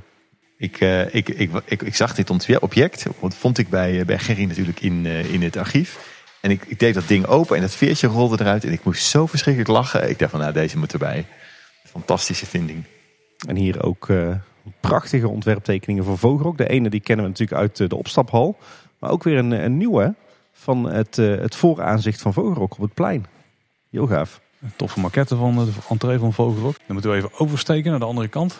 Ja, hier hebben we eigenlijk weer zo'n eh, intermezzo. En dit gaat eh, over kip, eend en ezel. Ah, over de... Dus we gaan al een beetje richting eh, de, de merchandise rondom de Efteling. En eh, dit is een van de eerste munten uit 1956 is die volgens mij. Die de ezel heeft, eh, heeft uitgepoept eigenlijk. Oh, Er zat toen nog chocola in. Ja. Ja. Hij ging Oh. open toen we hem aan het eh, installeren waren. En er zit, er zit ook echt zo'n chocola in deze. Dat is heel lang houdbaar hè. Weer geproefd? Ik heb niet geproefd, nee. En wat ik, eh, wat ik hier heel bijzonder vind, daarom ligt hij ook open op deze pagina. In 1956 zijn er al 118.822 van die munten uitgepoept. Oh, ja. Dit is een soort eh, jaarverslag af van een letter hier. Ja, klopt. Met foto's van de geluidsopname van de ezel. Die eieren hebben we opengemaakt om te kijken wat voor eh, eh, spulletjes erin zaten. En die snoepjes die roken nog echt zo enorm naar fruit dat je... Daar was ik wel verbaasd over. Ook hele gave tekeningen van de gekroonde eend. Ah, hier een bekende buste, Tim. De buste van Baron Hoogmoed. Gustav Hoogmoed. Ja, kennen we natuurlijk uit het eh, voorportaal hè, van de attractie. Maar die is daar niet weg, lijkt me. Het is een replica daarvan. Of, of gewoon de studie. In ontwikkeling, ja, ja. Ah, Ik, had, eh, ik vond ook een buste zonder de baard. Maar ik vond die met baard is toch wel eh, indrukwekkend. Ja, zeker. En eh, deze is ook van de hand van, eh, van Patrick van der Nieuwenhuizen. maar dan zonder hoed, lees ik hier. Hij heeft eigenlijk zijn hoed eh, op volgens mij. En hier eh, een aantal prachtig gedetailleerde tekeningen van eh, Sander de Bruin. Zowel het, het aanzicht van het eh, gebouw en de schachttoren. Maar ook heel veel details van het gebouw. Hè. Echt tot in het kleinste detail uitgewerkt. Een aandacht voor het boek. Ja, hier komt ook een geureffect. Een geureffect horen bij Baron 1898? Eh, nou, hier kunnen volgens mij bezoekers een geur raden welke Raad. het is. Oh, Ja. oké. Nou, dat kunnen wij nog niet doen. Dus we moeten toch nog een keer terug. Ja, Tim. die, de geuren doen het nog niet. Die, die worden nu geïnstalleerd. We gaan sowieso nog een keer terug, hè Paul. We hebben al eh, afgesproken dat Ja, we met ja. onze vrouwen en kinderen nog een keer eh, langskomen. Hier zijn we bij het, bij het laatste hoofdstuk eigenlijk. Dat is eh, alles Efteling. Wat allemaal bewaard wordt gebleven in de Efteling... is ook alle merchandise die ze daar maken. Rondom alle attracties, rondom Pardoes, eh, noem maar op. Ik dacht, het is ondoenlijk om daar een, eh, een een selectie uit te gaan maken. Ik heb Langnek gekozen, omdat hij in het begin natuurlijk als originele tekening van Piek in het Sprookjesbos eh, aan, te- aan- ja, aan, aan, aan bod komt. Hier zien we allerlei soorten langnek eh, souvenirs. Ik moest verschrikkelijk lachen om deze langnek taart Ja. die, die, er, die ooit gemaakt is. Maar ook al die, lol, al, al die, die rietjes, popjes, sleutelhangers, glazen bollen, kerstballen. Ik vond het fantastisch om te zien wat er allemaal verzonnen werd eh, rondom eh, dit figuur. Maar zo is het dus bij eigenlijk bij heel veel figuren van, eh, uit de Efteling. Wordt, worden dit soort dingen gemaakt. Ja, wel heel krachtig dat je hebt gezegd van we pakken gewoon één eh, figuur. En we, we laten daar alle merchandise rond. Ja, en dit bordje, ja, dat, daar had Van nog een speciaal verhaal bij. Gerry van Dongen uit het, eh, de, de archivaris. Eh, dat het e- ergens gehangen heeft als een soort wegwijzer volgens mij in het Sprookjesbos vroeger. Herkennen jullie het? Nee, dat is van voor onze tijd. Oké, ja, dat denk ik ook. Ik Ja. denk dat het echt oud is inderdaad, klopt. Ja, heel gaaf. En hier op de hier wand volgens mij heel veel pins. 555 pins zijn het. Wauw. Die eh, heb ik samen met Gerry geprikt. In een zo mooi mogelijke volgorde. Dat is aardig gelukt. Ik denk dat de pinverzamelaars onze, onder onze luisteraars, die, eh, die zullen hier wel even wat te kijken hebben. Oh, en hier allemaal oude entreekaartjes. Dat is tof. Oh, wauw. Ja, die gaan echt van het begin tot de meer eh, recente kaartjes. En ik kan me herinneren dat toen ik jong was, toen waren deze volgens mij heel erg. Ook nog met echt een beetje dat Bartoes ook nog in die, eh, die, die rood-geel-witte witte versie had. Ja, die, die grote entreekaart uit begin jaren 90 kan ik me ook nog goed herinneren. Daar heb ik ook nog een, eh, een doosje van op zolder Ja. staan. Ja, kijk vooral even om deze hoek. Ik zag daar wel bekende koppen, Tim. Ja, ik, de, de, de titel is ook Alles Efteling. En nou is er een podcast met eh, de subtitel Alles Efteling. En ik zie hier inderdaad een, eh, een videoscherm met eh, twee lelijke koppen erop. Het zal nu eh, geen geheim meer zijn, maar wij zijn ook onderdeel van de expositie. Ja, Kun je misschien zo vertellen, Joris, waarom jullie ervoor hebben gekozen om ook liefhebbers terug te laten komen? Wat, wat mij opviel bij het, bij het werk aan deze tentoonstelling is dat de, de liefde voor de Efteling eigenlijk best extreme vormen aanneemt hè, bij sommige mensen. Nou, echt jullie waar? zijn daar ook wel voorbeelden van. Eh, maar ja, ook de, we, hadden het er net al even over, de, de, muziek, eh, of de, de, muziekuitvoeringen van de Efteling. Gelijk bomvol die Brabanthallen. Eh ruilbeurzen voor souvenirs, voor de speltjes, voor noem maar op. Er zijn zoveel mensen met die Efteling bezig. Mensen die de Efteling naproberen te maken in hun, eh, in hun tuin, dan in miniatuurversie. En zo ook jullie als podcastmakers, die toch echt op zeer regelmatige ba- basis enorme podcasts produceren. Eh, superleuk. En daarom dachten we, nou, jullie zijn eigenlijk wel een goed voorbeeld van, hey, die willen we erbij hebben voor zo'n eh, mini-documentaire. Eh, ja, en dat is, is deze film geworden. Hebben jullie hem zelf al gezien eigenlijk? We hebben hem zelf ook gezien. Ja, Nou, heel tof geworden. we hebben ja. gisteravond een Ja. preview gekregen. Dus, oh, eh, oké, oké, oké, mooi. Nee, ontzettend tof. Echt een hele eer dat we, dat we in deze tentoonstelling mogen verschijnen. En eh, de beelden zijn lang geleden opgenomen. Kijk, dus kijk, we kijk. hebben- Hij kijkt heel serieus. Dat doe ik altijd. Ja, we hebben heel erg ons best moeten doen om al die tijd onze mond te houden. Maar het is gelukkig nog een, een geheim gebleven. Dus nou, dat zal met deze aflevering komt het eindelijk naar buiten. En hoeven we ons mond er niet meer over te houden. Klopt. Nou, hier zie je dat, eh, dat de, de tentoonstelling... We hebben altijd, eh, we programmeren heel vaak meerdere tentoonstellingen naast elkaar. Hier hebben we een tentoonstelling van Thomas Trum. Maar hier gaat het verder met de Efteling. Ja. En een van de gaafste plattegronden die ik tegenkwam was deze eigenlijk. Volgens mij Ja. is die uit 1953. Ja. U vertoeft er in een blijde wereld. Als je hem in het echt ziet, die, die is er nog niet. Die kleuren zijn fantastisch. Maar ik vond hem ook heel mooi om hier op het raam eh, te plakken. Ja. Ja, dit is een van de plattegronden op eh, volgens mij de binnenkant van het boekje Mam en Duppie voor de kip. Daar hebben we hem eh, voor het eerst gezien. Maar na het stilistisch echt een fantastische plattegrond. Ja. Bij Disney zouden ze het een eh, fun map noemen, vroeger. Maar deze was er eerder dan de, dan de Disney plattegronden. Ha. Wat ik, eh, ik word trouwens wel eens gecorrigeerd. Dan, want ik praat natuurlijk, eh, als ik over de Efteling praat en ik praat over attracties. Dan heb ik het eigenlijk over de attracties van het Sprookjesbos. En de, de attracties die, eh, ja, echt waar mensen in kunnen. Maar er was natuurlijk altijd al een speeltuin. Met, dat Ja. zou je ook een attractie kunnen noemen. Of eh, eh, een zwemvijver, kanovijver, eh, noem maar op. En hier ook eh, heel tof een hoekje over de parkplattegronden. En met daarnaast een video van Ivo Suutmaier. Ook Ja. een eh, bekende binnen de Kleine Boodschap eh, aflevering natuurlijk. Zeker. Oh, hier een, eh, een hele, de hele gave plattegrond uit eh medio jaren 60 jaar. Plattegrond uit 1970. Een van de eerste winter Efteling plattegronden. Heel gaaf om eh, te zien hoe die stijl zich eh, in de loop der jaren heeft ontwikkeld. Maar de mooiste hangt toch wel hier in de hoek. Plattegrond uit 1954. Heb jij deze ooit eerder gezien, eh, Paul? Nee, het lijkt een beetje een voorloper van eh, de plattegrond die we hier op het raam hebben gezien. Ja. Die kleuren zijn gaaf, hè? Ja. Heel gaaf gedaan. Hele mooie stijl. Bij die plattegronden kun je natuurlijk ook zien de, de, de, de enorme groei van het park. Hè? Dat het, eh, dat het in, de, in, elke decennium is er, is toch weer een heel stuk bijgekomen. En dan, dat brengt ons gelijk ook een beetje naar de, de, dit hoofdstuk. Dit is een grote wand met allemaal eh, krantenartikelen of, of nieuwsberichten eigenlijk die eh, verschenen zijn. Nou, in een heel korte tijdsbestek, de laatste paar jaar, over de Efteling. We hebben het ook genoemd Efteling in de samenleving. En daarin zie je hoe breed de Efteling eigenlijk eh, in die samenleving eh, zit. We hebben- belichten twee dingen. Discussies over attracties, die hebben we de laatste jaren natuurlijk veel gehad. En ook de grens aan de groei. Net als de boeren en eigenlijk alle Nederlanders heeft ook de Efteling te maken met eh, ja, toch restricties aan groei en aan stikstofuitstoot en dat soort dingen. En hierin vertellen ze ook dat ze in 2030 inderdaad klimaatneutraal willen zijn. En eh 2032 zelfs klimaatpositief.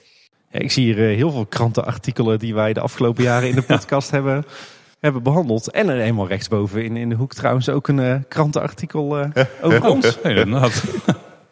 Verveelt het? Nooit. Dat zijn ook uh, bekende namen die we zien, de auteurs van de artikelen. Ja, inmiddels zijn we 70 afleveringen verder en het, het verveelt nog steeds niet. Hè? Ja. Deze kant, de andere, de wand er tegenover, die is dus volgeplakt met de bekende paddenstoelfoto's. Ook heel tof.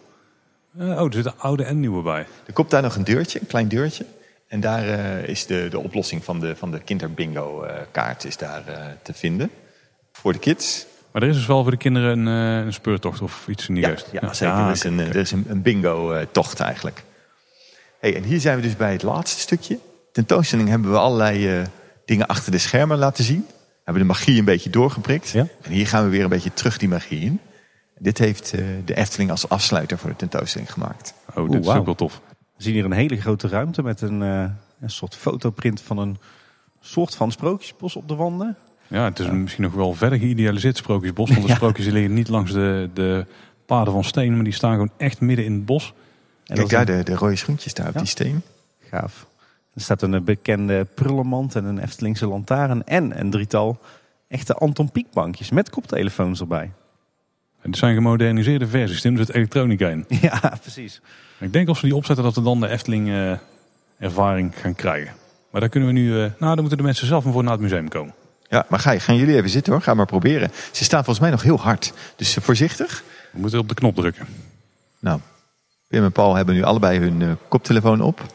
Dus je kan gewoon even zelf praten zonder dat zij ze mij allemaal vragen stellen en zo.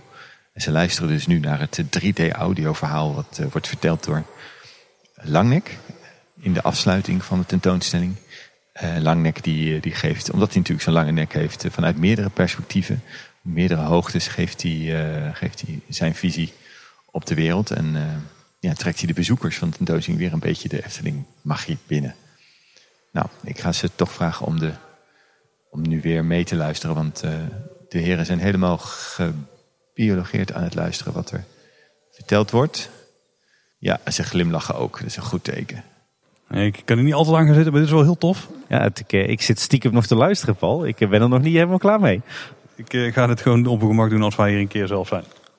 Ja, een hele sfeervolle afronding van uh, deze tentoonstelling. Ja, heel tof. Sowieso ook een mooie ruimte dit. En we zijn uh, door de expositie heen, Joris. Heb je nou wat jou betreft nog echt topstukken? De topstukken die wat mij betreft zijn natuurlijk de tekeningen van Anton Pieck. Ik vind het heel tof dat we de sprookjespiegel hebben van, of dat we de, de toverspiegel hebben van, uh, van de heks van uh, Sneeuwwitje. Wat ik jullie ook heb laten zien is die eerste, dat eerste uh, getypte velletje van, van, ja. van Peter Reinders met die tien sprookjes. Vond ik fantastisch om hier te kunnen laten zien. Echt de basis van het sprookjesbos. En de maquettes natuurlijk. Ja, jullie hebben ze gezien van klein en groot. Echt, die zijn zo, die zijn zo fantastisch om naar te kijken. Die, die heb ik er graag bij zou ik, zou ik zeggen. Er zitten er ook objecten tussen waarvan je dacht van die zou ik echt super graag willen hebben, maar die hebben niet zoveel handen waar nog lang naar gezocht is, of die ergens ver vandaan moesten komen? Nou, ik hoor, uh, nu de selectie gemaakt is, hoor ik toch wel dingen van dat er, dat we, oh, die had hier ook nog goed kunnen staan, of dat had er ook nog heel goed zou kunnen staan. Um, maar de, dat, de, die fase zijn we voorbij, dus dat is jammer. Soms, uh, soms had je misschien nog iets willen toevoegen. Ik denk dat we een hele mooie selectie hebben. En, Zeker, ja. Ik vond het zelf in ieder geval heel genieten om, om, om te mogen grasduinen in die collectie en de selectie te mogen maken. Dus ik hoop dat de bezoekers dat ook doen.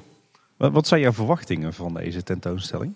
Nou, het is, het is heel bijzonder, want het is lang geleden dat er zoveel persaandacht voor een tentoonstelling is geweest. Dus het wordt heel goed opgepikt in de pers. Ik denk dat uh, dat, dat er ook mede gaat voor gaat zorgen. En door de enorme fanbase eigenlijk van de Efteling. Dat het, ik hoop dat het, of ik denk dat het uh, redelijk druk gaat worden. En ik hoop het ook. Ik denk dat het, uh, hoe meer mensen het kunnen zien, hoe, hoe leuker natuurlijk. Ja, mensen moeten er wel, vroeg, wel snel bij zijn. Hè? Want ik geloof dat de looptijd vrij kort is. Ik zeg even uit mijn hoofd, 4 maart tot en met 21 mei? Ja, tot 21 mei. En wat verstandig is voor mensen, als ze willen komen... dan zou ik toch even kijken op de website van het museum. Want volgens mij moet er een, een tijdslot gereserveerd worden. Oh. Dus dat is even goed om te weten. Van hey, kijk even, prik even een tijd. Als je eenmaal binnen bent, mag je blijven zolang je wil. Maar wel even de aankomsttijd. Van, en dat hebben we vooral gedaan als het nou heel erg druk is. En je hebt altijd van die, van die piekmomenten, hè, of op de zaterdag, op de zondag. Dat we de, de bezoekers een beetje kunnen spreiden. Dat is ook een goede tip voor ons, Tim. Daar moeten we ook rekening mee houden. Ja, inderdaad. Kijk, en wij zijn natuurlijk in een klein uurtje rondgelopen. Maar uh, ik denk dat als je goed de tijd neemt voor alle, alle mooie objecten in uh, de tentoonstelling, ben je hier makkelijk twee uur bezig. Ja, ik zit nog even naar die fotowanden te kijken, maar er zitten ook superveel details in. Hè? Ja, heel gaaf gedaan. Ja. Zeg Joris, als uh, onze luisteraars uh, deze tentoonstelling willen bezoeken. Jij vertelde al, je moet een, een, een tijdslot reserveren, maar waar kunnen ze dan terecht? Ze kunnen terecht op de website van het Noordbrabants Museum. En dat is www.hnbm.nl. Maar als je googelt op het Noordbrabants Museum, dan zul je het ook heel snel vinden. En daar kun je dus een tijdslot reserveren en eventueel een ticket kopen. Ja, klopt. Wij zullen uiteraard een linkje in de show notes plaatsen, dan kan het niet misgaan. Nou Paul, dan uh, rest ons, volgens mij rest ons dan nog twee dingen. Allereerst, ja, alle kleine boodschapluisteraars moeten deze tentoonstelling zien, toch? Ja, dat zeker. Ja, het is gewoon een, een must-do. Als je Efteling liefhebber bent, of je nou wel of geen abonnement hebt, of je nou wel of niet iedere week komt, of één keer per jaar, of één keer in de vijf jaar. Je moet naar het museum toe. Dit, uh, dit moet je gezien hebben met uh, al die unieke stukken. Ja, als je ooit wel eens in Efteling in het Efteling Museum bent geweest en je denkt ook maar een klein beetje van, oh dit is interessant. Nou, dit is uh, nog veel interessanter. Sorry Efteling. Nou ja, vooral omdat hier wel die extreem waardevolle, bijzondere stukken kunnen liggen. Omdat het hier natuurlijk zo goed beveiligd is. Maakt het extra bijzonder, ja. En Joris, in ieder geval hartstikke bedankt dat jij nou, ten eerste de expositie hebt, uh, hebt samengesteld. Want het is al een enorme bak werk zijn geweest. Ja, het was, een, het was veel werk, maar ook een heel erg leuk werk om te doen natuurlijk. Ja. En enorm bedankt dat jij ons vandaag hebt rondgeleid en uh, toch nog wat extra achtergrondinformatie hebt gegeven die we anders misschien niet hadden opgedaan. Ja, ik hoop het. En heel erg leuk dat jullie op bezoek waren. Ja, we zijn, eh, we zijn vandaag op bezoek, maar we zijn eigenlijk de hele tentoonstelling op bezoek. Ja, en de, nog vaak tot ziens. ja, Joris, ontzettend bedankt en eh, complimenten voor het eh, fantastische werk wat je hier hebt verricht. Dankjewel. Als luisteraars meer over ons willen weten of ze zullen de show notes checken zodat ze het linkje kunnen vinden naar de bestelpagina voor de tickets of voor het reserveren van, van een tijdslot, dan kun je terecht op kleineboodschap.com. Kleineboodschap.com slash volgen, daar vind je alle social media kanalen waar wij te vinden zijn. En als je nou een berichtje wil sturen, kan het ook via de site, want er staat een contactformulier op. Maar mailen kan ook ouderwets naar info.kleineboodschap.com. Ja, en je luistert Kleine Boodschap in je favoriete podcast app, op Spotify of op onze website kleineboodschap.com. Uh, luister je ons nou in een app, zorg dan dat je je abonneert. En kan je een rating of een review achterlaten, vinden we dat ook altijd uh, hartstikke tof. Kan op Spotify en op Apple Podcasts. En als je nu andere potentiële museumbezoekers warm wil krijgen voor deze expositie en ze hebben iets met podcasts, misschien iets om kleine boodschappen eens een keer te tippen. Dan uh, hebben we misschien wat extra bezoekers bij die hier komen rondstruinen er al het mooiste wat te vinden is. Dat was in ieder geval weer voor deze week. Joris, nogmaals dank. Ja, heel erg leuk dat jullie er waren. En luisteraars, bedankt voor het luisteren. Tot de volgende keer. En houdoe. Houdoe. Houdoe.